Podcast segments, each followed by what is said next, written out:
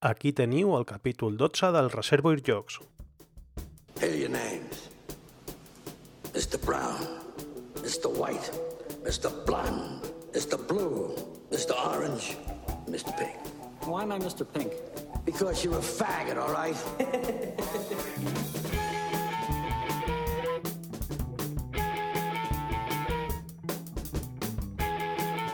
Com va tot, gent del joc? Nosaltres estem aquí, que no ens importa que jugui la selecció espanyola perquè no...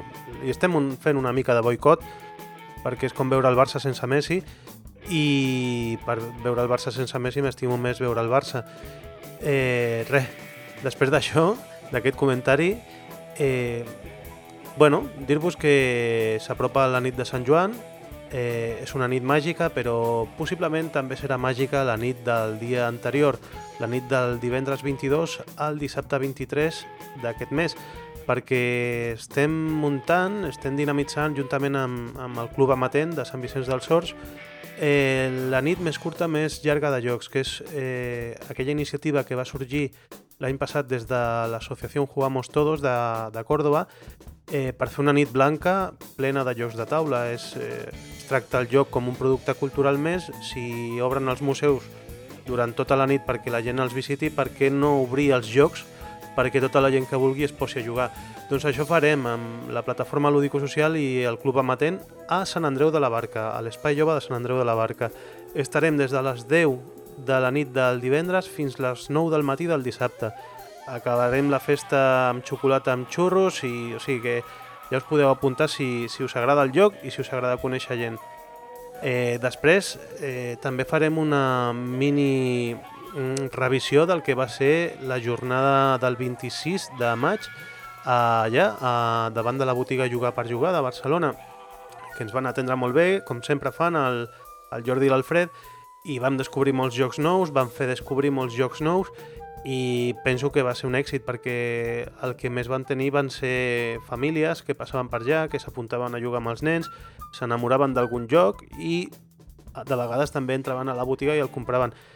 Per què? Perquè volíem que el compressin per després, el dilluns, que era festiu a Barcelona i era també el Dia Mundial del Joc, el Dia Internacional del Joc, eh, el celebressin tots plegats jugant i penso que és el que moltes famílies van acabar fent. També va venir gent de la BSK, va venir el Black Meeple, va venir gent coneguda del món del joc també, eh, va estar l'Oriol Ripoll també a, a, abans de tancar la botiga i vam estar parlant una estoneta.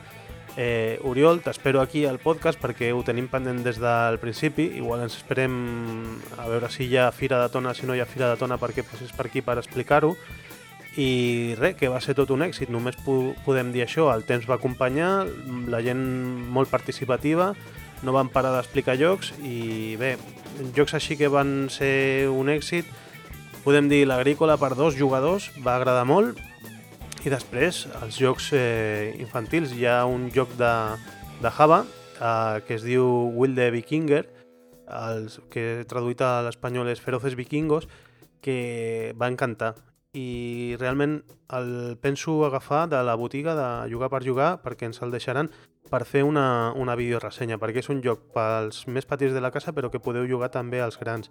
O sigui que esteu atents a la secció de vídeos, tenim també un unboxing del, del Morels, del joc aquest de, de collir bolets que ens van enviar des dels Estats Units, o sigui que ja, ja, ja, fet, ja han fet la, el, el primer enviament, si el veu demanar eh, perquè vau escoltar el podcast i us interessava el joc, és aquell joc de cartes per dos jugadors que va sobre caçabolets, segurament o ja el tindreu a casa o està en camí.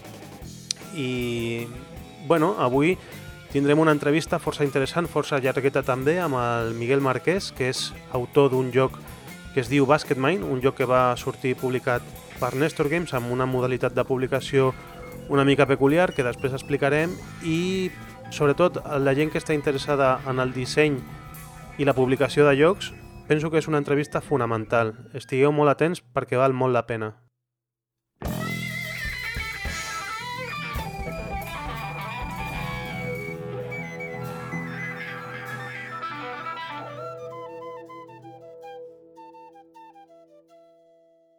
Bueno, estamos con, con Miguel Marqués, que también es conocido en la, en la BGG como Franchi Y bueno, él es un chico que está viviendo en Caen, eh, porque creo que es eh, científico y está allí trabajando y tal.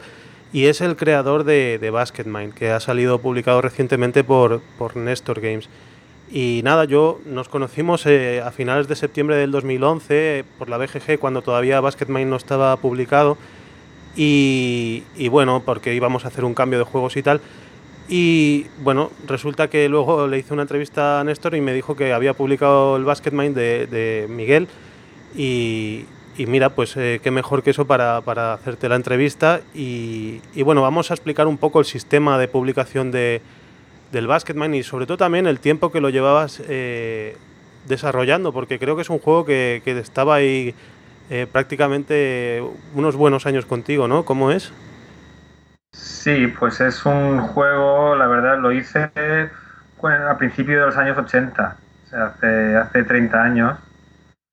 Y, y, en aquella época, ahora cuesta darnos cuenta, pero en aquella época no había internet.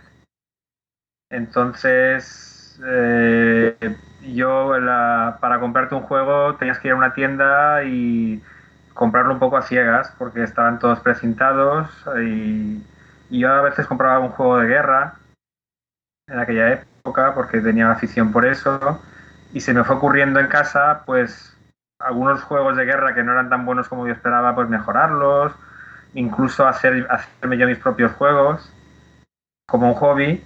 Y un día pensé también me gusta el deporte pensé por qué no hacer un tipo un juego de guerra pero de deporte con la trama de hexágonos y con fichas y nada, y empecé con el fútbol, que es lo que más me gusta, pero no era muy fácil, el tenis era muy, demasiado sencillo, y al final pensé en el baloncesto, y nada, enseguida me puse a dibujar hexágonos en una hoja, a dibujar un campo alrededor, y a, ir haciendo pruebas, y la verdad es que me salió, o sea, tenía, tenía, tenía yo 13 años, y yo creo que en pocas semanas ya tenía el juego listo para empezar a jugar, lo que, lo, lo que era la primera versión del juego.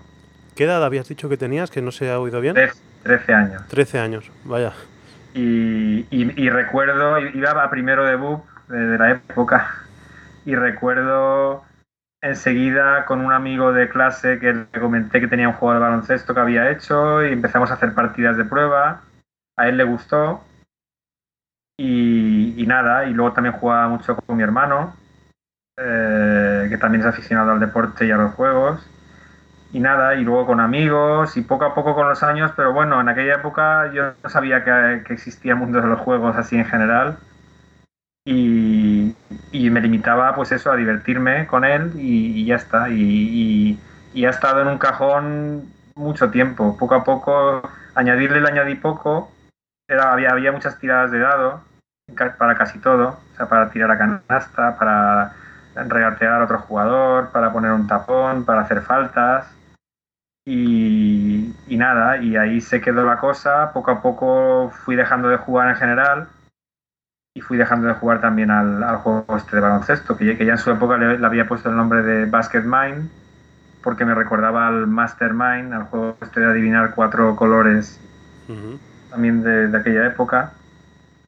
Y, y, lo fui dejando abandonado y lo dejé por completo. O sea, dejé de jugar cuando ya fui a la universidad y nada, y hasta el 2004, en el 2004 mi cuñado, que también es aficionado a los juegos de mesa, me regaló el Memoir 44, que para los que no lo conocen pues es un juego de sencillito, un juego de guerra sencillo, con, con miniaturas del desembarco de, de, Normandía, y con eso de que yo vivo aquí en, en Normandía, y, y, al, y, cuando me puse a jugar ese juego vi que tenía una dirección internet, el juego.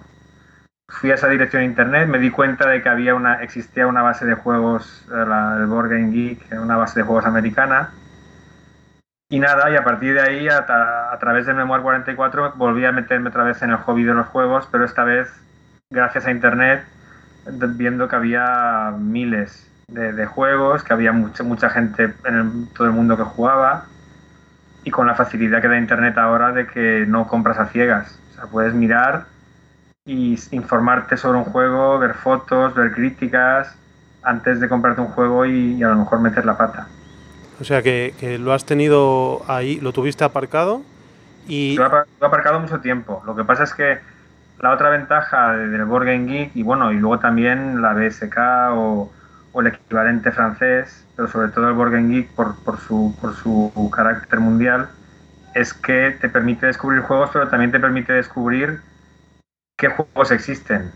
Porque yo, por ejemplo, de repente, cuando vi todos los juegos que existían, me, me acordé de mi juego de baloncesto y pensé que, bueno, que después de tantos años seguro que alguien en alguna parte del mundo habría hecho un juego parecido de baloncesto.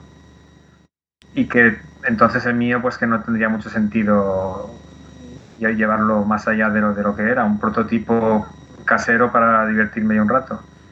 Y, ante mis, y cuál fue mi sorpresa cuando buscando en Board Geek vi que juegos de baloncesto así, de, de, un partido de baloncesto, no había prácticamente. Casi todos los juegos que hay son eh, juegos americanos sobre gestión de, un equipo de baloncesto, comprar jugadores, vender, eh, simulan toda una temporada de la NBA, pero no simulan un partido. Y mi juego era verdaderamente lo que es el partido de baloncesto, las jugadas, los tapones, las faltas. Y ahí pues me picó el gusanillo y, me dije, bueno, pues si, si este juego no existe y yo tengo, lo, tengo, lo, lo, tengo hecho y en tanto tiempo a nadie se le ha ocurrido, pues a lo mejor vale la pena hacer un esfuerzo y, e intentar publicarlo. Vamos, vamos a hablar un poco del sistema de publicación, porque es curioso, porque ahora mismo lo que tú dices con Internet, pues han salido un montón de, plataformas que están muy de moda ahora, como el Kickstarter o Berkami, que luego hablaremos porque justamente hay en Berkami un juego de, baloncesto que es Berkami, no sé si lo conocerás, como tú estás allá en Francia, es como, es como Kickstarter pero, pero a la española. Y, bueno, lo tuyo es como una especie de, de, Kickstarter, pero sin tener que poner dinero. Solamente hay que poner la confianza un poco en, tu juego, ¿no? ¿Cómo, ¿Cómo, funcionaba el sistema de publicación? Que, supongo que te lo propuso Néstor o, fuiste tú a buscarlo o cómo fue esto.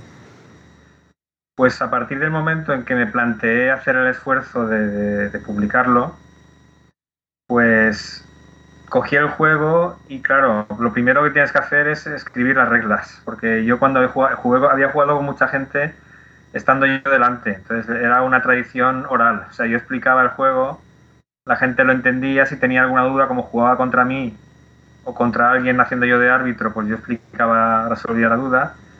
Pero el primer ejercicio importante es ponerte delante de un papel o de un ordenador y escribir las reglas de forma que alguien las pueda leer sin que estés tú delante y no le quede ninguna duda. Y eso fue el primer ejercicio difícil. Cuando, haciendo este ejercicio intenté simplificar el juego lo más, lo más posible, porque desde los años 80 hasta ahora pues me he dado cuenta de que hoy en día no tenemos tiempo de, jugar tres horas a un juego ni de aprendernos libros de instrucciones con un montón de excepciones y de... La gente hoy quiere jugar a un juego, pasar el rato, divertirse, a lo mejor como mucho una hora. Y hay tantos juegos hoy en día que a la gente le gusta eh, coger un juego ponerse a jugar enseguida y a lo mejor hasta dentro de un mes no volver a cogerlo porque hay otros juegos a los que jugar. Entonces, si tienes un juego muy complicado, es una especie de barrera que a la gente le va a costar eh, sobrepasar para, jugar. Entonces lo simplifiqué, escribí las reglas y en, inglés en un principio y, gente y conozco algunos americanos a través del Board Geek que tienen que ver con, con casas, con editores de juegos y me propusieron presentar mi juego lo presenté a GMT. GMT es, un, es una empresa americana de juegos de guerra sobre todo, pero que también hace otros tipos de juegos últimamente. Porque he trabajado con ellos a veces un poco con escenarios del juego este del Command and Color Ancients. Y nada, yo en un principio prefería trabajar con gente con la que tuviese confianza que con gente que, que a lo mejor fuese más, más óptima para mi tipo de juego. Entonces yo prefería primero probar los conocidos, pero poco a poco todos los editores tradicionales me fueron diciendo que no. Decían, sí, tu juego tiene buena pinta, pero claro, eh, tienen que a lo mejor imprimir mil de entrada para que sea rentable y tienen que estar seguros de que los mil los van a vender. Entonces, es un riesgo para ellos. Hay gente que se lanza en la autoedición, pero yo no quería correr ningún riesgo económico y entonces descubrí el Nestor Games. Entonces Nestor Games eh, tiene un concurso abierto en Board Game tú pones tu juego, pones las reglas, la gente puede hacerse una idea de, cómo es el juego, si le gusta o si le gustaría jugar algún día ese juego y a partir de un cierto umbral de gente que, dice que sí, que le parece interesante y que a lo mejor algún día lo, lo compraría, pues Néstor decide publicarlo. Entonces el primer, la primera etapa fue adaptarme a su formato, porque es una plataforma muy flexible, pero con la condición de que, de que Néstor lo pueda hacer. Y el formato de Néstor es, eh, el tablero es un, el tamaño de, un, de una sombra de ratón, de ordenador, y tiene que caber enrollado en un estuche con las piezas dentro. Entonces, pensar con eso en la cabeza, pero también con la, pensando en general, porque contacté a Néstor hace, hace pocos años y Néstor me dijo, me dijo que no aceptaba juegos directamente, que tenía que pasar por, por Geek. Y para eso tenía que poner mis reglas en internet, a la vista de todo el mundo, y en aquella época yo tenía miedo de que alguien pudiese copiar mi juego. es el, miedo de, de, casi todos los autores noveles. Sí, me, me puse a consultar foros de, diseñadores en el que la gente pide consejo, qué puedo hacer para proteger mi juego, qué hago si alguien me roba el diseño, todas estas cosas. Y yo no quería hacerme rico con este juego, pero después de tantos años me hacía ilusión publicarlo y, si después de tantos años alguien lo publicaba en mi nombre, pues me, habría sentado muy mal. Entonces, después de un primer contacto hace creo que dos años hacía con Néstor, me Néstor me dijo, lo siento, pero has de ponerlo en, en internet y yo le dije que no me apetecía poner las reglas. Yo podía decir, oye, es un juego de baloncesto sencillo y divertido, pero Néstor me dijo, no, tienes que poner las reglas porque la gente tiene que ver cómo se juega y ver si le gustaría jugar. Entonces le dije a Néstor que lo sentía, que, no. Y nada, después de estar año y medio probando editores normales, entre comillas, y, recibiendo negativas, me dije, bueno, tampoco tengo nada que perder. Voy a... Néstor también me dijo que el hecho de poner las reglas en, internet abiertamente adelante todo, con, un montón de testigos hacía difícil que la gente te lo copiase porque eh, de hecho era una prueba de que el diseño era tuyo. Sí, sí, es que eso es lo que recomiendan aquí, que darlo a conocer, aunque sea en print and play o lo que sea, pero bueno, eso ya es tuyo. y si lo presentas a un concurso, más todavía casi. Exacto, exacto. Entonces, eso me terminó de decidir me apunté, puse las reglas en internet y la verdad es que lo recomiendo porque eh, cuando yo entré en el concurso este de Néstor había subido el umbral a 100, tenía que haber 100 personas que dijesen que, el juego les parecía interesante y yo cuando lo puse no, no sé, no, pensaba si que, llegase, que fuese a llegar a 100 ni, ni que fuese a llegar rápidamente. Hecho, y, lo que más me, gustó fue las primeras personas que me contactaron. O sea, a lo mejor iba por 10, por 15, pero ya tuve gente que me contactó diciéndome que el juego les gustaba, gente que, era aficionada a los juegos de mesa, pero también que jugaba al baloncesto, de verdad. Y incluso un entrenador de baloncesto me mandó un mensaje diciéndome eh, que, que, nada, que él también era un aficionado a los juegos y que llevaba mucho tiempo buscando un juego que, que, que, reprodujese de forma, de forma, sencilla pero fiel el deporte y que este juego le parecía. Y la verdad es que yo, con, con esos primeros contactos, yo creo que si se hubiese quedado el, el, proceso ahí, para mí habría sido ya una maravilla. Porque aparte de los amigos que me conocían y que a lo mejor jugaban conmigo por, por hacerme un favor, eh, gente que no te conoce de nada y que no con la que no has hablado nunca, que solo por las reglas que has puesto en internet te, te, tome la iniciativa de contactarte y decirte que, les parece muy que les gusta mucho, pues yo creo que eso ya es una recompensa.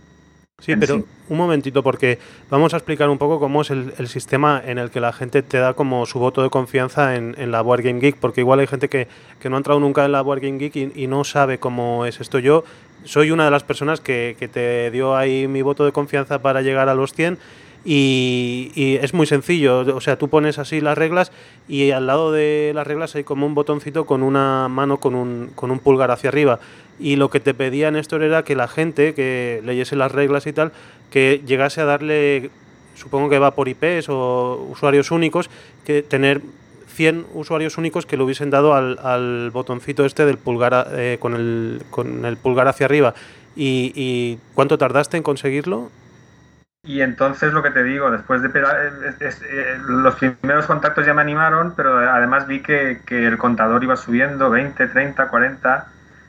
Se, se, estancó un poco a los 50 y ahí pensé, bueno, a lo mejor este juego solo interesaba 50 y ha llegado ahí, ahí se va a quedar la historia. Pero de repente hubo un, un, usuario griego que hizo un prototipo, o sea, con, con, las fotos que había puesto yo en internet y con las reglas se fabricó mi juego, puso fotos del, del, prototipo que había fabricado, incluso puso, subió la imagen del tablero que había hecho él. En un principio me, me quedé un poco mosca porque pensé, bueno, con la foto esta que ha subido cualquiera se lo puede imprimir y se lo puede hacer pero de hecho el chico enseguida me dijo, no hombre, no, yo esto lo he hecho para que la gente lo pruebe y sepa que si le va a gustar o no. Y de hecho se ve que este tenía un blog en Grecia de, juegos de mesa. Él probó el juego eh, con su prototipo y enseguida puso un comentario muy positivo diciendo que se parecía mucho al baloncesto, que era un juego muy moderno, muy, sí, muy sencillo. Y a partir de ese día muchos usuarios griegos del Board Geek empezaron a darme el, pulgar este que dices tú. Y nada, y, así poco a poco fui subiendo de golpe hasta 70, 80, 90 y al final pasé de 100 y nada, y Néstor, Néstor decidió publicarlo y bueno, pues eso ya fue, fue un poco la, la, culminación de, de, la historia y el, desde que lo puse hasta que llegué a los 100 pasaron tres semanas. O sea, fue, fue, para mí pasó rapidísimo, como, si fuesen tres días. Y, a partir de ahí, pues eso, la, la, diferencia, la gran diferencia respecto a las plataformas estas de las que hablabas es que en esas plataformas hay que un poco comprometerte a comprarlo formalmente, y es casi que adelantar el dinero. En el sistema de Nestor no hace falta eso. O sea, en el sistema de Nestor, Nestor no necesita. Nestor fabrica casi uno a uno los juegos Sí, nos, habló en la entrevista y, explicó muy bien el sistema suyo de producción. Y... Entonces, la, ventaja de este sistema es que al, al, fabricarlos uno a uno casi, eh, no necesita saber que 100 personas lo van a comprar, porque no va a fabricar los 100 de golpe y no se va a quedar con los juegos colgados y luego la gente se echa atrás. Él quiere simplemente saber si el esfuerzo que tiene que hacer él para diseñar los, los, moldes de las piezas y hacer el diseño gráfico del tablero, etcétera, si eso no va a ser completamente inútil y para eso necesita saber si hay gente que, que sin conocerme objetivamente dice que el juego le parece interesante, porque él pues puede conocer algunos juegos pero otros no los conoce. Por ejemplo, de este me dijo que él no era un aficionado al baloncesto, con lo cual también utiliza el sistema este de el Board Geek como consejo. La gente que sí que le gusta ese tipo de temas le aconseja que sí, que este juego está bien.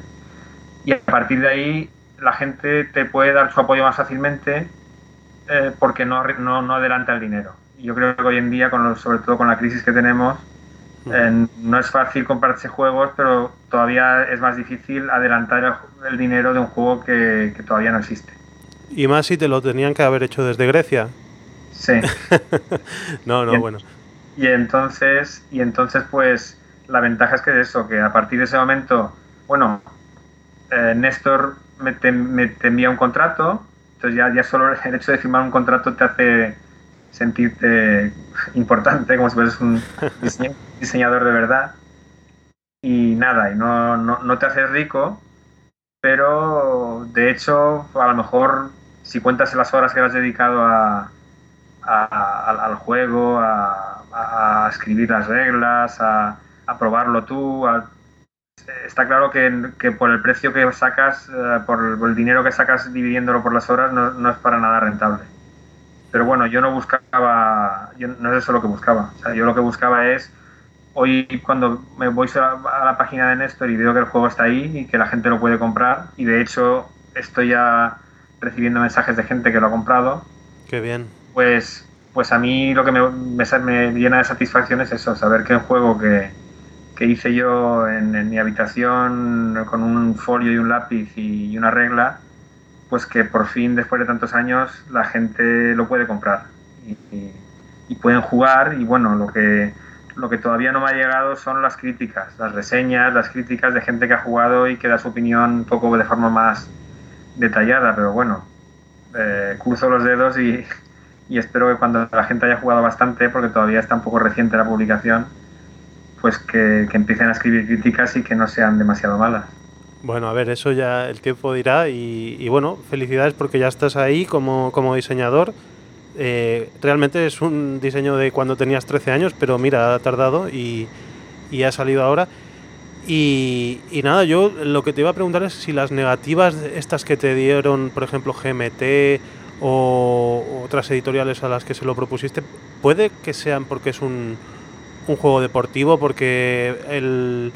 A ver, yo escucho otro podcast que se hace aquí en, en España, es el de Kabuto, el tablero, y él también, justamente en el último, en el último episodio, hablaba de los juegos deportivos y hablaba también de, de un juego que hay, el, el, solo baloncesto, que es el que está en la plataforma esta Berkami, y decía que, claro, que, que al jugador que igual es una opinión subjetiva, y, pero que también coincide con la mía, que al jugador le cuesta mucho eh, meterse en el tema de, del partido de baloncesto o de, o de del partido de baloncesto o del deporte que sea, que es que te metes más en una temática, por ejemplo, a lo mejor fantástica o de guerra o algo así que no en, en una temática deportiva. ¿Crees que puede haberse debido a esto? yo, yo creo que, bueno, de hecho, GMT enseguida me dijo eso, que juego, y, y, los otros que probé, casi todos me respondían diciendo que los juegos, la temática deportiva pasaba mal eh, para los juegos de mesa a la hora de venderla. A no ser que seas un diseñador súper conocido, vamos, pero... Yo creo que el problema principal, que bueno, es un problema si, si quieres que le guste a mucha gente, pero es que un juego sobre un deporte no te tienen que gustar los juegos de mesa y gustarte ese deporte. Porque para jugar un juego de guerra no hace falta que te guste la guerra. Es una eh, puedes jugar al ajedrez, pues, pero si vas a jugar a un juego que simula un deporte y ese deporte no te gusta, pues es bastante difícil. Entonces, yo de hecho mi juego a la gente que no le gusta el baloncesto no se lo recomiendo. Y, siempre que algún amigo ha querido decir, oye, ¿es, eh, ¿es un juego tuyo? Venga, enséñamelo siempre les he preguntado antes, ¿te gusta el baloncesto? Y si me dicen que no, directamente no, no, lo pruebo, porque es un juego en el que se, con pocas reglas, conforme lo fui haciendo, me di cuenta de que eh, iba, iba añadiendo reglas, pero había consecuencias de las reglas que yo no había previsto y que hacían que se jugase como se juega el baloncesto. Entonces, poco a poco es un juego que, que, que, te da la sensación de jugar al baloncesto, pero si no sabes lo que es, no puedes apreciar no puedes apreciarlo. Ya, ya. Entonces, te hace falta gente que le gusten los juegos de mesa y que le guste el deporte. Porque, por otra parte, gente que le guste el baloncesto, pues no será fácil a lo mejor que además le gusten los juegos de mesa. Entonces, es un mercado que se reduce mucho y, nada. Y luego también, si mirando en, en Board Game cuando miraba los juegos de deporte, muchas veces te das cuenta de que hay juegos muy complicados. Quieren simular el deporte a hasta el último detalle y para eso introducen mucha complejidad, en muchos, muchas tiradas de dado, muchas... Eh, quieren que sea realista y para eso tienen que introducir cartas que representan cada tipo de acción, cada tipo de cada detalle de cada cosa, eh, que son largos para jugar, tardan varias horas. Y yo creo que, que hoy en día todos esos factores van reduciendo el el blanco de, jugadores potenciales. Bueno, entonces tú recomendarías tu juego para, amantes del baloncesto y de los juegos de mesa. Sí, tiene que ser esas dos cosas y al mismo tiempo soy consciente de que hoy en día, pues eso, no. Si, tardas mucho en jugar a un juego y el juego es difícil, al final no vas a, lo dejarás de lado porque eh, a mí me pasa. Yo tengo una ludoteca bastante amplia desde el 2004 que empecé a acumular juegos otra vez y a veces hay algunos juegos que cuando me los compré me gustaban, pero cuando después de un año o dos años sin jugar me tengo que pasar una hora leyéndome las reglas otra vez, tengo que jugar la partida con las reglas en la mesa para ver las excepciones, al final acabo guardándolos y sacando un juego que es mucho más sencillo. Entonces, Sé que hay gente que todavía le gusta, que tiene tiempo y que le gusta pasar horas dedicadas a un, solo juego, pero tenemos que ser realistas y darnos cuenta de que es una minoría. Entonces, si, si sacas un juego para que le gusta a mucha gente y, haga que y, esta gente haga que se publique, un juego complicado o largo o muy detallista le va a costar más encontrar un hueco en el mercado que un juego sencillo con pocas reglas y rápido de jugar. Bueno, mira, eh, tú has tenido la suerte de tenerlo publicado por Nestor Games. Eh, esta misma tarde acabo de mirar cómo va eh, la, bueno, el, el, esto, el crowdfunding de, del solo baloncesto, de que lo quieren publicar la editorial Escuadra Games. Es un juego de Eduardo Crespo y habían recogido 2.473 euros de 28.250 euros que necesitaban para su publicación y quedan dos días para llegar a los 28.250 euros que piden. O sea, eh, está claro que no se va, no se va a conseguir por, por lo que tienen recogido. Eh, mira, quizá el sistema de, publicación o, por o al final donde has ido a caer tú, has tenido más fortuna, porque realmente es eso, los juegos deportivos yo creo que cuestan de, salir. Ahora, eso sí, yo creo que a la gente que les gusta, les gusta bastante también. Y por ejemplo, hablando de juegos deportivos también eh, y de baloncesto, Dan Titan, Daniel Martínez, no sé si lo conoces, que hizo un juego de tenis que se llama Passing Shot. También creo que, que tiene uno que se llama 2 más 1 eh, Basketball Showtime, pero este creo que ni está publicado. O sea que tú al tenerlo publicado mm, ya puedes sentirte afortunado, vamos. Sí, sí, y, de hecho conozco, en, hay un juego de fútbol que se llama Street Soccer, que en España creo que la edición ibérica era mano a mano. Y para mí eh, lo descubrí hace, hace unos años ya. Pero el otro día en el Board Geek alguien me dijo que el Basket Mind podía ser el, Street Soccer del baloncesto. Y, la verdad es que para mí eso fue un gran piropo porque el Street Soccer también eh, ha cogido el deporte y lo ha simplificado al máximo son cinco jugadores solo, es muy sencillo de jugar, puedes jugar perfectamente después de estar varios meses sin haberlo tocado, pero al mismo tiempo cuando juegas te da la impresión de que estás jugando al fútbol. Y yo creo que, que eso es lo que lo, más importante. Yo, de hecho en el Basket Mind la gente ve ahora el producto final, pero yo he hecho un esfuerzo bastante grande estos últimos años sobre todo no, era muy, muy complicado en, un principio, pero aún así todo lo que he cambiado desde un principio hasta ahora ha sido para simplificarlo. Y, a, veces he dejado cosas fuera que me gustaban, pero me parecían, me parecían complicadas de explicar. Y me acuerdo que mi hermano una vez me decía una regla que, la última regla que, que, quité, cuando se la expliqué me dijo, me parece, dice, me parece muy complicada para lo que aporta. Yo creo que, es, un consejo en general para gente que diseña juegos, pensar que tú estás muy... tú tienes pasión por tu juego, pero la gente pues va a ver tu juego como un juego más. Entonces, si todo lo que sea barreras eh, de complejidad, de excepciones, de pues van a, van a dificultar que la gente juegue a tu juego. Yo prefiero que la gente juegue, aunque el precio a pagar sea pues eso, simplificarlo un poquito de más o... Depurarlo, ¿no? Sí. Y yo creo que cuando, de hecho, cuando yo veo juegos que me gustan de, de, autores conocidos, uno de mis favoritos es, bueno, como el de mucha gente, es eh, Reiner Knizia. Eh, cuando juego a sus juegos me, te maravillas de, cómo puede ser, cómo, puede, cómo tan pocas reglas pueden dar lugar a tantas estrategias o a tantas combinaciones yo creo que la gente a veces menosprecia un poco sus diseños diciendo, uy, pero es que tú fíjate qué fácil es, eso se le habría ocurrido a cualquiera. Y la gente no se da cuenta de que no, de que, de que lo que se le puede ocurrir a cualquiera es un juego con 50 reglas y con 30 excepciones. Eso se le puede ocurrir a cualquiera. Hace falta tiempo, pero poco a poco vas añadiendo excepciones sobre excepciones sobre excepciones y puedes simular lo que quieras.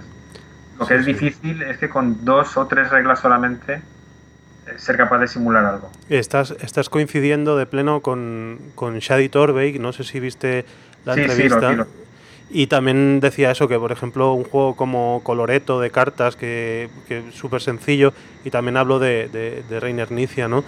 Y, y, bueno, yo he visto a lo que estás jugando de juegos deportivos. Yo sé que estás jugando al Street Soccer y también a un juego que, bueno, yo no conozco, pero que eh, Kamate, sí, de, de, rugby también deportivo. Exacto. ¿no? Como en Francia supongo que gusta el rugby también, pues ahí lo tienes. Y luego también sí que he visto también que, que Command and Colors y, y Tigris y Éufrates, ¿no? Sí. le darás, a, le darás a más cosas, pero bueno. Sí, no, pero por ejemplo, también, también es, un, es una elección personal el buscar juegos que tengan pocas reglas, pero que den mucho de sí. Pero también en mi entorno, aquí en, en Francia, el, el, panorama de, lúdico está más desarrollado que en España, no tanto como en Alemania, uh -huh. pero eh, en mi entorno eh, no había mucha gente, no conocía gente que estuviese muy, muy, fuese muy aficionada a los juegos de mesa. Y entonces, pues tenías dos opciones. Hay, sin hacer mucho esfuerzo, encuentras eh, clubs de gente que se, que se junta un día a la semana para jugar. Pero, yo personalmente los juegos los, los, veo como una actividad para hacer con los amigos, para compartir unas risas, para, para pasar un rato juntos, pues pensando en, en, otra cosa que no sea problemas y, y, entonces lo que intenté fue amigos nuestros de, cercanos intentar introducirlos un poco a los juegos y, y para eso necesitaba juegos sencillos. Uh -huh. Entonces fui probando con juegos sencillos, me acuerdo que el primero el, el Transeuropa o Transamérica Gran juego, sí, sí. Sí, que te permite jugar hasta... También resulta que a veces éramos seis personas, entonces juegos de seis y que, y que no sean muy complicados y que sean divertidos no hay muchos. Entonces estaba el Transamérica, estaba el Ave César de carreras de carros, uh -huh. estaba el Medici de Quinicia sobre subastas. Eh, y son juegos que tienen muy pocas reglas, se pueden explicar enseguida. Bueno, y el, y el último que ha tenido más éxito que, que, que, todos los demás juntos ha sido el Dixie. Dixie, eh, bien, ¿no? Le... Entonces, gente que. Hay gente que te dice, sí, bueno, me gusta jugar, pero no conozco muchos juegos. Pero incluso gente que te dice, no, a mí no me gusta jugar. Y entonces, a lo mejor vienen a cenar un día y les dice, bueno, aunque no te guste jugar, eh, hazme el favor y vamos a probar este. Y es un juego que nunca me ha fallado. O sea, incluso gente que me ha dicho abiertamente que no le gusta jugar a juegos de mesa, eh, termina la partida y hacemos otra, porque eh, porque les, les, se dan cuenta de que no es tan difícil, la imagen del juego de mesa a veces es de un juego muy complicado, eh, pero se dan cuenta de que con, hay juegos que con muy pocas reglas consiguen que la gente se divierta y que pase un buen rato. Entonces, eso por un lado me ha hecho también acelerar un poco mi, mi, mi búsqueda de juegos sencillos y que, y que puedan divertirte en una hora o, Tú también eh, me comentabas que com, como padre también estás eh, eh, incorporando juegos a tu ludoteca para jugar con, con, tus hijos y que... Porque yo hablaba también en el podcast de, de, un juego que he visto en alguna tienda francesa, el Rumble in the House, y dijiste, ostras, pues yo a este juego bastante con mis hijos y, y funciona muy bien. Y no sé si quieres hacer alguna recomendación así también para, para padres y madres para jugar con los chavales. Sí, bueno, uh, lo que pasa, yo casi siempre aquí, un poco de broma, uh, siempre que vienen a jugar amigos o y me, me, ahí me llaman el, el, maestro de juegos porque soy siempre yo el que saca el juego, el que lo explica y, y nada, y el que lo guarda. Y, y, ahí te das cuenta de que, entonces a veces les he regalado juegos a estos amigos nuestros que, que, que cuando vienen a mi casa no tienen ningún problema en jugar, pero te das cuenta de que cosas tan, tan evidentes para los que llevamos jugando muchos años, como es leerte unas reglas, para gente que no está acostumbrada es, es, es, muy complicado. Entonces yo tengo casos de amigos que les he regalado un juego y hasta que no he ido a su casa y, y les he contado cómo se juega no han jugado, porque son incapaces de coger un, un manual y de, y de, leerse las reglas y de ponerse a jugar ellos solos. Entonces, entonces la imagen que tenemos de, de, los franceses, de que son gente que juega y tal, eh, también es, está un poco mmm, mitificada, ¿no? Porque eh, será bueno, por familias. Es, es, en, yo creo que es, una minoría, es, decir, es una minoría más grande que en España, pero sigue siendo una minoría. Y, y pero el, el, esto que te decía de, de, de, gente que no está acostumbrada a jugar, de adultos, aún es más eh, fuerte en niños. O sea, yo, yo puedo coger un juego, muchos juegos de mi colección y jugar con mis hijos o con amigos de mis hijos sin problema, pero si, si no estoy yo o si estoy ocupado y les digo, coged un juego y jugar, te das cuenta de que es, es difícil para, para, un niño coger un juego, leerse las reglas, entenderlas, explicar, explicárselo a otro niño, incluso un niño que sabe jugar o un hijo mío que sabe jugar, explicárselo a un amigo suyo, pues no, no, no es un ejercicio fácil. Entonces, eh, hay algunos juegos, como este que decías tú, el Rumble in the House, que es, parece, cuando te lees las reglas, parece una tontería de juego, pero eh, es una tontería de, explicar, porque es muy fácil de explicar.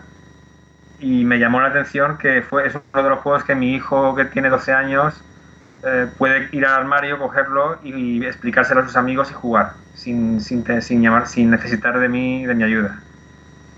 Y hay otro juego así como el, el Fantasma Belief, creo que se llama en España. Sí. Y que son juegos, pues eso, son muy divertidos. A lo mejor no son juegos a los que se puede estar jugando toda una, toda una velada con, con adultos, porque bueno, a lo mejor son un poco repetitivos. Pero yo en mi colección intento, intento que sea variada y una de las ramas de mi colección que me interesa tener es siempre juegos así, juegos que, que han de ser divertidos, por supuesto, pero que sean muy fáciles de explicar y que a lo mejor, pues eso, pues que un niño de 10, 12 años pueda coger el juego, coger las reglas y ser capaz de explicárselo a otro niño de su edad y jugar. Yo creo que, es importante, bueno, sobre todo si tienes eh, hijos, tener introducirles a juegos más complicados contigo, pero también dejarles una libertad para que ellos puedan jugar solos a juegos así.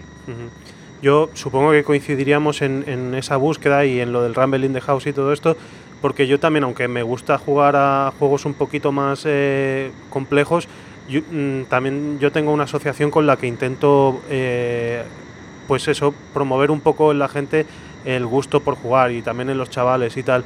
Y por eso me llamó la atención el Rumble in the House, porque por lo que leí me parecía un juego así como como pues para a nivel de, introducción bastante bastante chulo y, bueno no sé las imágenes y tal son, son muy bonitas y, bueno creo que al final me lo, me lo, me lo cogeré. Eh, lo que pasa es que es eso ahora hablando de, comprarlo eh, tú qué eres más de, tiendas online o de tiendas físicas pues la verdad es que cuando me regalaron el, el Memoir 44 eso fue en el, en el 2004 hace ya 8 años eh, fue en una tienda de Caen, en el centro de Caen, es una tienda de juegos de mesa que se llama el, Peón Mágico. y, los primeros años, eh, cuando compraba un juego, iba allí, porque ah, ahí, el vendedor te puede explicar, te puede aconsejar, pero poco a poco te vas, te vas acostumbrando a Internet y, aquí en Francia hay varias tiendas eh, online bastante buenas y hay una sobre todo que, tú conoces también, eh, Filibert eh, Net. Sí. Y, la verdad es que yo creo que eh, la, combinación Borgen Geek o la BSK o, el equivalente francés y, una, y las tiendas online te permite desde tu casa comprar sobre seguro. O sea, no necesitas ver el juego porque vas a, cualquier base de datos de estas de, que te, las que te he hablado y puedes ver todo lo que quieras saber sobre el juego y más. Puedes ver fotos de las piezas, puedes ver libros de reglas, puedes ver eh, críticas, puedes ver comentarios y, luego puedes ir, eh, ver si el juego está de oferta, no está de oferta. Y me he acostumbrado ya y, yo casi todas las compras las hago, eh, las hago online y luego, bueno, ha llegado un momento en el que tengo ya bastantes juegos y también gracias a internet pues he empezado a hacer intercambios, pues a lo mejor juegos a los que ya juego menos y así fue también como, como nos llegamos a conocer tú y yo. Eso es, sí, sí. Eh, juegos a los que ya juego menos o como te he dicho, cuando mis hijos eran más pequeños pues de vez en cuando compraba un juego para, su, su, para la edad que tenían en aquella época pero que poco a poco ya se han ido quedando demasiado infantiles pues nada, pues te das cuenta de que, de que a lo mejor en otra casa todavía tienen mucho, muchas horas de diversión que dar porque es gente que tiene niños pequeños y tú a cambio puedes conseguir otro juego en lugar de, de tener que comprarlo y añadir un juego más a tu colección. Y nada, yo creo que voy haciendo las dos cosas. Por un lado compro online y por otro lado hago intercambios, o sea que casi toda mi actividad lúdica es a, a través de internet. Luego, cuando miras, eh, cuando miras, por ejemplo, la ficha de algún juego en la BGG, esto es un, debate que, o bueno, se, se habló, yo lo, lo, recuerdo en el podcast Bis Lúdica, eh, hablaron sobre por qué te dejas guiar por las recomendaciones y cuando vas a mirar las recomendaciones, eh, la BGG, normalmente cuando miras las recomendaciones empiezas por arriba, por las buenas, y decía Calvo de, de Bis Lúdica que que a él le gusta mirar más las críticas, las, las, las malas, porque así puede saber si, si le va a dejar de gustar el juego o no, porque si, si tú miras ya directamente por arriba, casi todo el mundo habla bien del juego porque le ha gustado, claro, pero igual eso no significa que a ti te guste. ¿Tú te dejas guiar por los comentarios o eres más de leer reglas o, o, qué miras en la BGG? Bueno, en, en, en la BGG ya con los años voy conociendo gente y, gente que muy asidua a la hora de escribir reseñas y, y, y, con los años me voy dando cuenta de gente que tiene gustos similares a los míos o gente que tiene gustos que no tienen nada que ver con los míos pero que, que son, es una, un tipo de, de, persona que la tengo muy, muy bien identificada. Y entonces cuando leo lo que dice me puedo hacer una idea aunque a ella no le haya gustado me puedo hacer una idea de si me va a gustar a mí o no y lo que dices de los comentarios, en el Borgen Geek es un poco más difícil, pero en, la, en Trick Track, que es la página francesa, uh, te, te, suelen poner toda la lista de comentarios uh, al final de la, de la ficha del juego desordenada. O sea, no está ordenada por puntuación. Ajá. Entonces yo a veces voy recorriendo la lista y me suelo parar en las, en las negativas. O sea, gente que le ha puesto, es una escala sobre 5, gente que le ha puesto un 1 o un 2 a un juego que a mí me parecía bueno, pues voy a ver lo que la, la, la, crítica para ver por qué les ha parecido malo. Y muchas veces me doy cuenta de que eso que a esas, esas personas no les gusta, a mí haría que me gustase. Uh -huh. Entonces, yo creo que a veces son más de fiar los que critican un juego negativamente que los que lo critican positivamente, porque, porque bueno, si muchas veces lo que dicen es más objetivo, porque yo, yo personalmente, las, cuando he puesto un comentario en Borgen Geek, lo suelo poner de los juegos que me gustan. Ya, es lo que hacemos pero, casi pero, todos. Pero gente que, que, es que, que se tome su tiempo, cuando un juego no me gusta, ni siquiera quiero perder el tiempo escribiendo sobre él. Pero gente que un juego no le ha gustado y que se ha tomado el tiempo de escribir por qué no le ha gustado, pues me parece a veces más interesante que, que gente que sí le ha gustado. Pero otra cosa que a mí, una parte del hobby para mí, aparte de comprar y jugar, es leer reglas. O sea, yo como, como, como aspirante a diseñador, eh, hay muchos juegos, muchísimos, que no me los he comprado, nunca he jugado, pero me, me he bajado las reglas y me las he leído. Uh -huh. Porque me gusta, a veces sé que un juego no, nunca voy a jugar a él porque es muy largo, porque es muy complicado, por lo que sea, pero me apetece saber cómo una persona ha sido capaz de diseñar eso. Y así, no sé, es una especie de lectura como hay gente que lee novelas o que lee eh, otro tipo de libros. Yo leo libros también, pero una parte importante de la que leo son reglas de juegos, porque y, y, muchas veces cuando leo una regla sin haber probado el juego estoy seguro de que me va a gustar. ¿De que te va a gustar o que no te va a gustar? No, de las dos cosas, pero me ha pasado muchas veces que un juego, por ejemplo, una me pasó la última vez que me pasó eso fue el Popular Front, uh -huh. que, es, que, es, un juego americano sobre la Guerra Civil Española. Uh -huh. Y eh, caí de casualidad sobre, sobre su página, le, estaban las reglas disponibles, me leí las reglas y cuando me las terminé de leer, estaba seguro de que me iba a gustar. Lo compré, jugué y efectivamente eh, nada, y de hecho escribí una crítica en el Borgen Geek y, y le dije al diseñador que, que, enhorabuena porque por el juego y por la, lo bien que había escrito las reglas, porque, porque solo leyéndolas te das cuenta de, de, de todas las posibilidades que da el juego con tan pocas reglas. Uh -huh. O sea que añadimos el Popular Front a, a la lista de recomendaciones de, de Miguel Márquez, ¿no? Sí, sí. Bueno, bueno, ¿tienes eh, algún proyecto en mente? O sea, después de haber hecho el Basketmind, ¿vas a sacar o tienes algún prototipo por ahí guardado? Bueno, eh, la verdad es que eh, de, joven hice un montón de juegos, pero los, hacía todos para mí. Eh, la mayoría eran juegos de guerra, también hice otros juegos de, deportes, pero quizá otra cosa que quería comentarte, porque hoy en día con todas estas plataformas de las que has, comentado antes, el Kickstarter y el, y el y todo esto, pasa como con, otras cosas eh, hoy en día, que, quizás se publican demasiados juegos.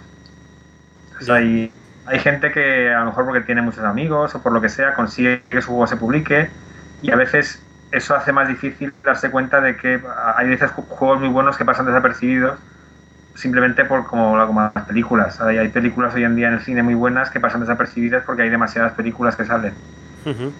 Entonces, yo eh, pienso que hacer un juego para sí mismo, para sus amigos, no está mal, pero yo creo que dar el paso de publicarlo o de intentar publicarlo, yo creo que alguien tiene que primero plantearse la pregunta de si está aportando algo nuevo en esa temática o, pero bueno, es una opinión personal. Yo, por ejemplo, si se me ocurriese hacer un juego sencillo sobre carreras de carros en, en el circo de Roma, pues si, no es mejor que la de César, pues no veo, no, no, no, entendería el, por qué intentar publicarlo, porque para no hacerlo mejor que los juegos que ya existen.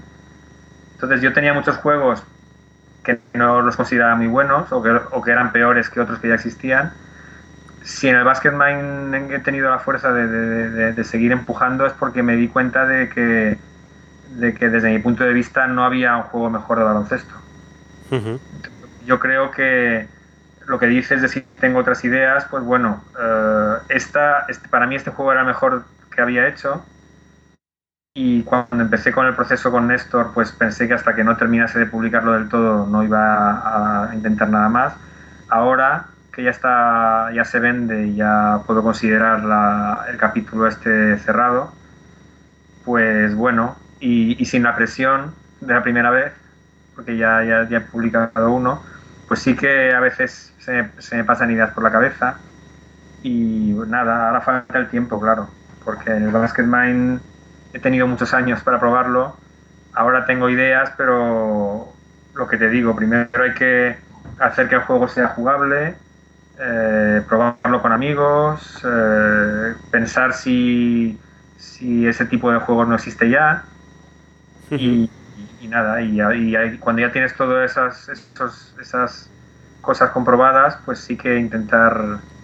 Ahora pues sin querer el, hecho de tener un juego publicado ya hace que conozcas más gente y a lo mejor para publicar un segundo es más fácil que, que para, que para el primero. Y aparte... sí, algunas, ideas sí que tengo en mente, otros juegos de deporte, eh, juegos de guerra sencillos, porque yo me metí en esto de los juegos cuando era pequeño con los juegos de guerra pero te das cuenta de que juegos de guerra sencillos hay muy pocos. Y, y a mí hay, hay, hay, batallas y temas de, de, la historia de la guerra que me gustaría llevar a juegos, que a lo mejor existen ya muchos juegos sobre eso, pero ninguno que se pueda jugar en, en media hora o tres cuartos y que tenga muy pocas reglas. Y no sé, esa es, una, esa es una, una espinita que tengo, me gustaría algún día publicar un juego de guerra con una mecánica sencilla y, nada, y con, y con un libro de reglas que tuviese dos o tres páginas solo.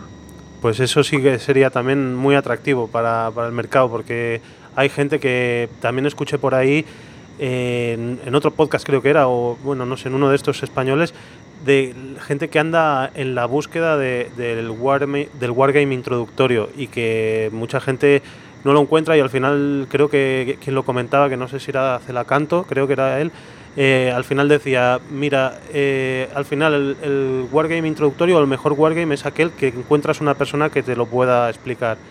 Pero realmente sí que hay poquitos de estos así que, que, duren poco y que te dejen la sensación de, haber vivido la batalla. Entonces, eh, muchos ánimos y, a ver si, si, tira adelante. Además, lo que te iba a decir es que viviendo en Francia, dominando el francés y tal, tienes también ahí una, una ligera ventaja. Bueno, ahora también, bueno, lo que decías, la fórmula esta de Néstor ha sido la más sencilla o la más rápida para llegar a publicar el juego. Ahora, sin querer, eh, bueno, hay que hacer un pequeño esfuerzo, aunque sea de, marketing y de, publicidad.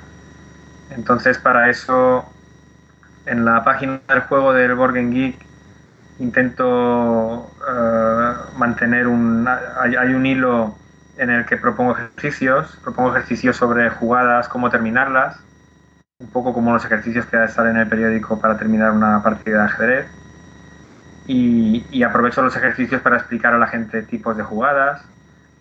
Pero luego me he dado cuenta de que pues lo que hay españoles que no van a la Borgen Geek, entonces me he dado de alta en, la BSK. También he hecho una reseña, intento estar disponible si alguien tiene alguna pregunta sobre el juego. Esta semana me he dado de alta en Trick Track, que es el equivalente francés.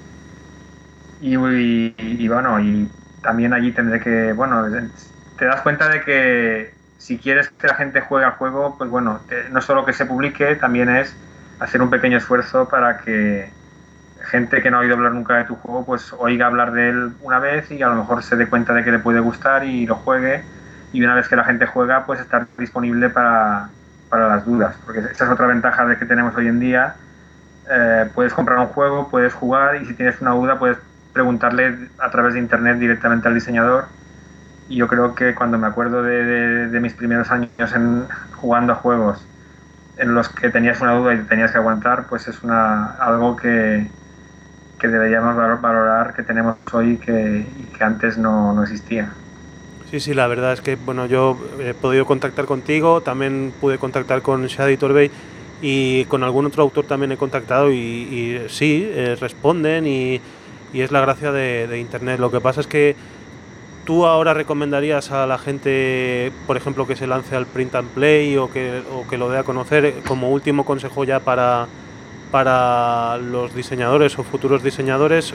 ¿O con la experiencia que has tenido de guardarlo, el miedo y todo eso, dirías, si no estás muy seguro no lo saques, como estabas diciendo también antes, si, si no aporta nada nuevo? ¿En qué nos quedamos? Yo creo que bueno, el, problema es que también para saber si tiene, si es algo nuevo o no, has de estar muy al día de lo que, se hace. Yo, el Board Geek, eh, no miro solo los juegos que me gustan, de vez en cuando me conecto y miro un juego al azar o una foto que veo pasar me, me, atrae por lo que sea y pincho sobre la foto y veo que es un juego y, y a mí me gusta, es una parte del hobby que me permite saber lo que se hace. O sea, yo si alguien quiere hacer un juego sobre una temática específica, le puedo decir eh, más o menos si eso ya existe o no.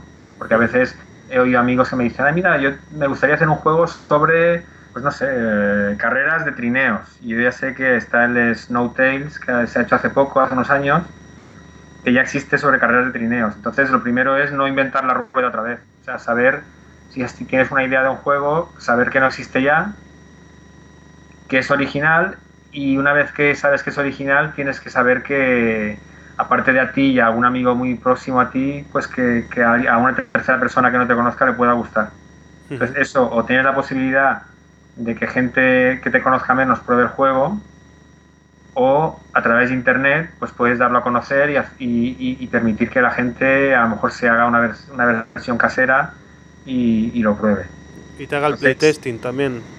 Sí, o sea, yo, yo, yo, comprendo, porque me pasó a mí eh, la sensación de miedo ante, ante, que, ante el peligro de que alguien te, te, robe la idea, pero con la experiencia que he tenido creo que es lo contrario. O sea, si una vez has puesto tu juego en el Board por ejemplo, bueno, con el equivalente español, eso es la mejor, no hace falta. En, su día me acuerdo que me, informé legalmente de cómo se patenta una idea, cómo ir a un abogado, a un notario. Al final me he dado cuenta de que lo más sencillo y lo más barato es eh, subir el juego al Borgen Geek y nada, pones ahí las reglas, pones unas cuantas fotos eh, y ya tienes. Esa es la mejor muestra de que el juego eh, eres tú el que lo ha hecho yo de hecho aproveché para poner fotos de los tableros que hice en los años 80, en los que se veía un lo, chapuza que, que, eran los primeros prototipos. Y yo creo que una vez has hecho eso, aunque el juego no se publique, por lo menos ya hay un rastro en internet de que, de que la idea ha sido tuya. Y bueno, y una vez ya has hecho eso, yo creo que, que eh, si es un formato que le conviene a Néstor, pues puedes intentarlo con Néstor o puedes intentar con, editores que conozcan a través de, algún amigo o, que veas que hace tipo, eh, un tipo de juego que se, acopla un poco a, lo que tú tienes en mente. Y bueno, y paciencia, porque yo eso estuve unos dos años enviándolo de aquí para allá y, no me desanimé. Eh, recibí varios nos, pero no pensé juegos malos, pensé, bueno, pues no, no, corresponde a lo que quieren o no quieren arriesgarse. Y, y al final ha podido ser y, estoy muy contento. Pero bueno, si no hubiese podido ser, solo saber que, que, gente que no me conoce ha llegado a jugar al juego, pues ya, ya me habría bastado para, para como recompensa. Vamos. Bueno, bueno, pues nos quedamos con eso, con, con, esos consejos que yo creo que son muy valiosos para, para la gente que se está planteando publicar algo o enseñarlo, aunque sea y la experiencia tuya, porque creo que es súper valiosa. Eh, nadie puede decir que eh, sacó un juego con 13 años o lo inventó y lo desarrolló y lo, publicó pues eh, al cabo de, unos cuantos, como los que han pasado. 30 años, 30 años, claro, no, quería decir un número por no de esto, son 30 años, o sea, entonces ahí tenéis la experiencia de, Miguel Marqués y, y los consejos, o sea, eh, documentarte, ver lo que hay en el mercado, saber bastante de juegos, también jugar y, luego pues eso, eh, no tener miedo tampoco a, difundir lo que, es lo que se está aconsejando últimamente y creo que la verdad es que funciona. Eh, muchas gracias por, por, la, por, la, por compartir la experiencia y si quieres decir alguna cosita más. Pues nada, gracias a ti y, al esfuerzo que se está haciendo con este podcast. Eh, que ya, ya vi, algunas entrevistas que has hecho y, me gustó mucho, sobre todo la de del diseñador de Onidim. Y quizá un último consejo que doy también en general para en, mi trabajo, pero bueno, sobre todo en este, que se, se, adapta también a los juegos, no tener miedo de simplificar un diseño. O sea, cuando estás haciendo cambios a un juego, eh, los cambios que lo simplifican son siempre mejores que los cambios que lo, que lo complican. Yo creo que hay gente que le cuesta porque cree que está, que está traicionando un poco el diseño original cuando quita alguna regla, pero yo creo que si quieres que, que hoy en día la gente se interese, mientras más sencillo sea el juego, más fácil va a ser que, la gente juegue. Pues sí, era, también lo habías dicho, eh, pero no lo he recordado yo en el resumen y la verdad es que es muy interesante también el consejo. Eh, muchas gracias y, bueno, mucha suerte por allí, por el norte de Francia y, a ver, esperamos ver alguna otra cosa tuya y bueno, si bajas por aquí, por España de visita o lo que sea, pues ya dirás algo también para echar una partida a ese Basketmine o, o a cualquier otra cosa, ¿vale? Nada, espero que si haga un segundo juego no tarde 30 años, como con el Basketmine, pero bueno yo creo que ya, ya has cogido fuerza y, ahora ya viene todo rodado. Mucha suerte. Nada, gracias, Miguel. Venga, hasta, hasta pronto.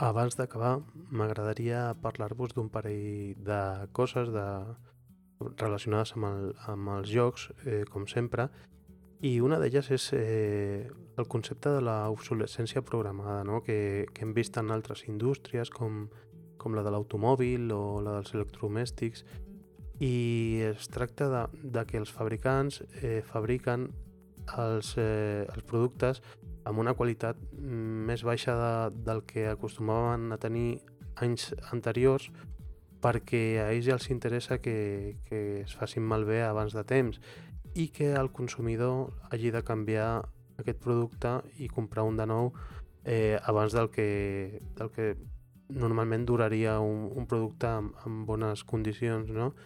I dic que està semblant a mi que, que aquest concepte s'està introduint al, al, món, al món dels jocs de taula sobretot per, per, un, per un tema que, que em preocupa bastant, que és el, el format de les cartes d'alguns jocs que he comprat darrerament, com podrien ser, per exemple, el Friday, el Divinare i un altre que es diu The Boss. Són, són cartes que tenen unes mesures molt estranyes i són molt difícils d'enfundar i no m'explico per què no fan aquestes cartes en, en una mesura una mica més estàndard en la que els jugadors po poden trobar eh, fundes de les de tota la vida o, o és que, bueno, fins i tot el Dixit, que és una mesura estranya, o el Seven Wonders té la seva, la seva pròpia funda, no? Jo alguns d'aquests jocs els, els tinc enfundats.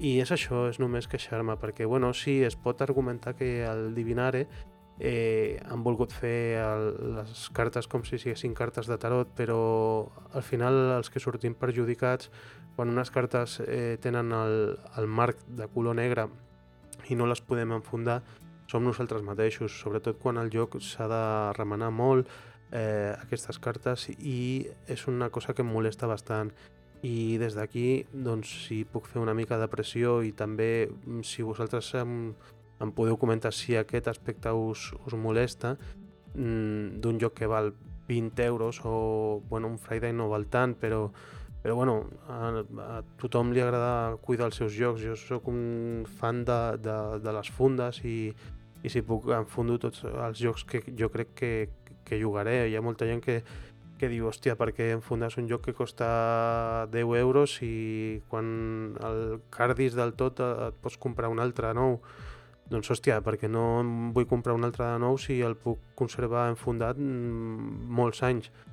I bueno, és això, que, que em toca la pera una mica el tema de, de les mesures aquestes estranyes de les cartes. No sé què pensareu vosaltres.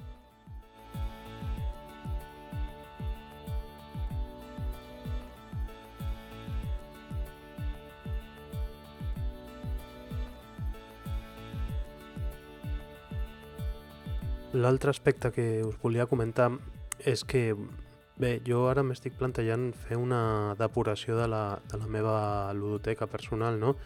Ja he sobrepassat els 200 jocs, estic a, més o menys amb 230 jocs, que penso que ja és bastant, i estic trobant-me amb alguns jocs que, que per exemple, mm, això ho parlàvem fora de micro amb, amb el Miguel Márquez, eh, ell també fa això, no? d'estar fent canvis o entra un, surt un altre, el que el Calvo diu normalment first in, first out, no?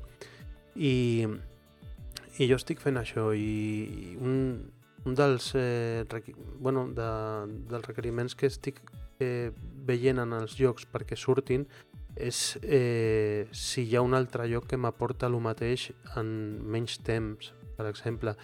I això mm, ho estic veient, per exemple, en, és, un, és un cas típic, no? I amb el Miguel Márquez també ho parlaven, que ahir també li ha passat. Ell, per exemple, ha ficat a la seva llista de, de vendes el Mr. Jack i bueno, jo ja me'l vaig vendre amb l'expansió i tot perquè des de que va sortir el Mr. Jack Pocket jo mm, jugo més al Mr. Jack Pocket que no pas al Mr. Jack perquè la sensació és la mateixa de, de buscar el Jack eh, a Londres i tal, i bueno, ho tens igual amb mecàniques totalment diferents, eh? això està claríssim, són jocs diferents, però la sensació lúdica, la sensació de l'aventura és, és exactament la mateixa per mi, i, i bueno, pues, aquest és un, una, aquesta és una de les premisses que estic mm, que jo cerco per, per, perquè, per dir aquest joc surt fora de la meva ludoteca. I, i l'altre és també el número de jugadors, perquè ara, per exemple, estic jugant molt a dos amb la meva parella i em costa treure jocs a taula de més jugadors. Els que són bons sí que me'ls quedo perquè, perquè juguem bastant com per exemple l'Spatchestat, que és un joc que, que m'està agradant moltíssim. I, i bé, doncs eh, el que em vaig vendre fa poc és el Colons de Catan, perquè és un joc de 3 a 4 jugadors, no veia taula mai, gairebé, i, i bueno, eh, el que he fet ha estat cercar la, a la BGG un joc similar, però que el pugui treure de, de tant en tant més per, per jugar-ho a, dos, a dos jugadors. I he trobat una curiositat que ja me l'he demanada per, pel Book Depository, una botiga eh, estrangera que, que ven bastant bé de preu i amb, els, eh, amb les despeses d'enviament incloses. I és eh, jo vaig vendre el meu colons de Catan per 25 euros i pel mateix preu, més o menys, amb les despeses d'enviament incloses, he trobat un lloc que es diu els colons de Canaan. Sí, Canaan, la zona que està a la Jerusalem religiosa i tal, i està molt bé perquè és del mateix autor, del Klaus Teuber. Eh, és un lloc que el publica una editorial que es diu Cactus Games, que és una editorial molt curiosa si teniu oportunitat de visitar la seva pàgina web Cactus Games eh, és una editorial que està fent mm, que només publica jocs de caire ultra religiós, per dir-ho d'alguna manera. És supercuriós. Tenen un tabú de la Bíblia, tenen un Manzanas con Manzanas també eh, de temàtica religiosa i bé, és, és supercuriós. I un dels jocs que, que ells publiquen és aquest, el, el Colons de Canaan, i, i bé, és un, és un Colons de Catan eh, canviat d'ubicació geogràfica, ja no és la illa de Catan, sinó que és la part aquella on va néixer Jesucrist i, i en lloc de lladres hi ha les plagues eh, i bueno eh, el tauler no és modular però, però el, el guai és que et permet jugar a dos jugadors amb la mateixa sensació i bueno, és una curiositat que he trobat aquest colons de Canaan i que quan, quan m'arribi doncs segurament farem algun vídeo perquè veieu el tauler que és també bastant espectacular i ja us explicaré com funciona dos, perquè clar, la, la mecànica de comerç no sé com, com es durà a terme, eh, canviarà una mica, però bueno, a, a 3 i a 4 jugadors la mecànica de comerç serà la mateixa.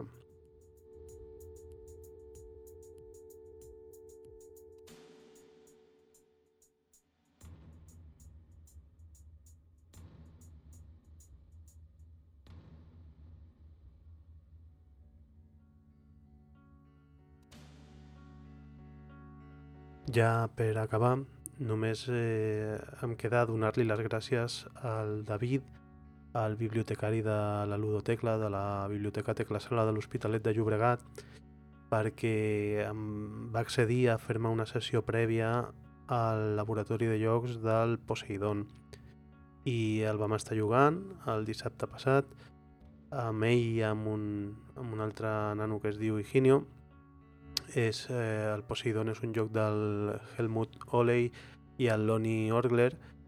És un joc que es pot dir que és introductori a, a la sèrie 1800 eh, o 18XX, que se li diu normalment, que són tots els jocs aquests de, de trens, d'accions, de, de, de companyies ferroviàries, eh, que tots eh, els noms comencen per 1800 i pico, no? Eh, aquest no és de trens, és de, de comerç eh, entre vaixells eh, al, al mar grec, de les illes gregues i tal, i bueno, per això es diu Poseidon, i la veritat és que està força bé. Eh, em pensava que guanyaria la partida, però finalment no vaig calcular bé perquè a l'últim tram de, del lloc se t'accelera moltíssim i, i és només perquè ells que hagin planificat molt bé la seva estratègia. Jo tenia una estratègia prou bona, però el que passa és que, que no estava calculada fins al final de la partida. I, i bé, al final per molt poquet, per molt poquet, eh, eh l'Higinio em va guanyar.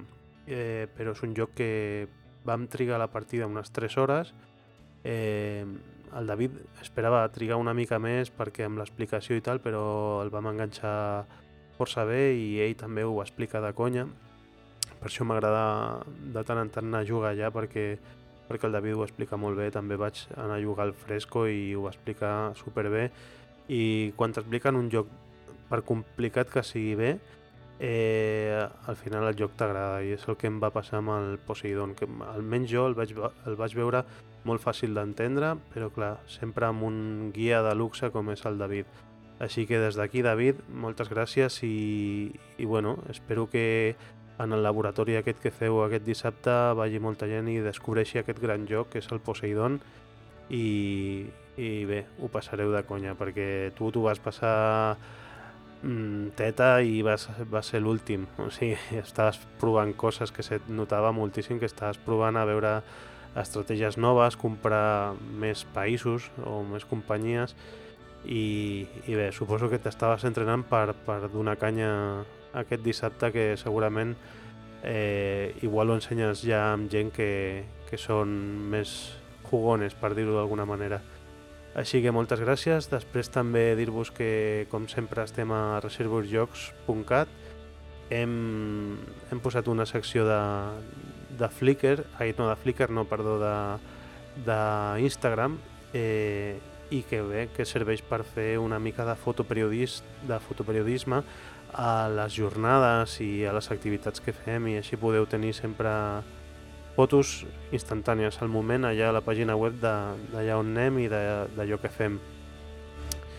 I res més, eh, si us pregunteu per què hi ha entrevistes que duren una hora i entrevistes que duren un quart d'hora, doncs eh, simplement perquè això és un podcast i, i com a tal no tinc estipulat cap format específic, no és un programa de ràdio convencional que, que està pactat que, que ha de durar un determinat temps, no, jo aquí eh, tenim aquesta llibertat, els podcasts són així i, i bé, jo igual que aquesta ha durat una mica més o la de l'Oriol va, va durar una mica més hi ha d'altres que duran menys però bé, o sigui, anirem fent perquè és l'avantatge de, del podcasting que no, no és tan rígid com la ràdio.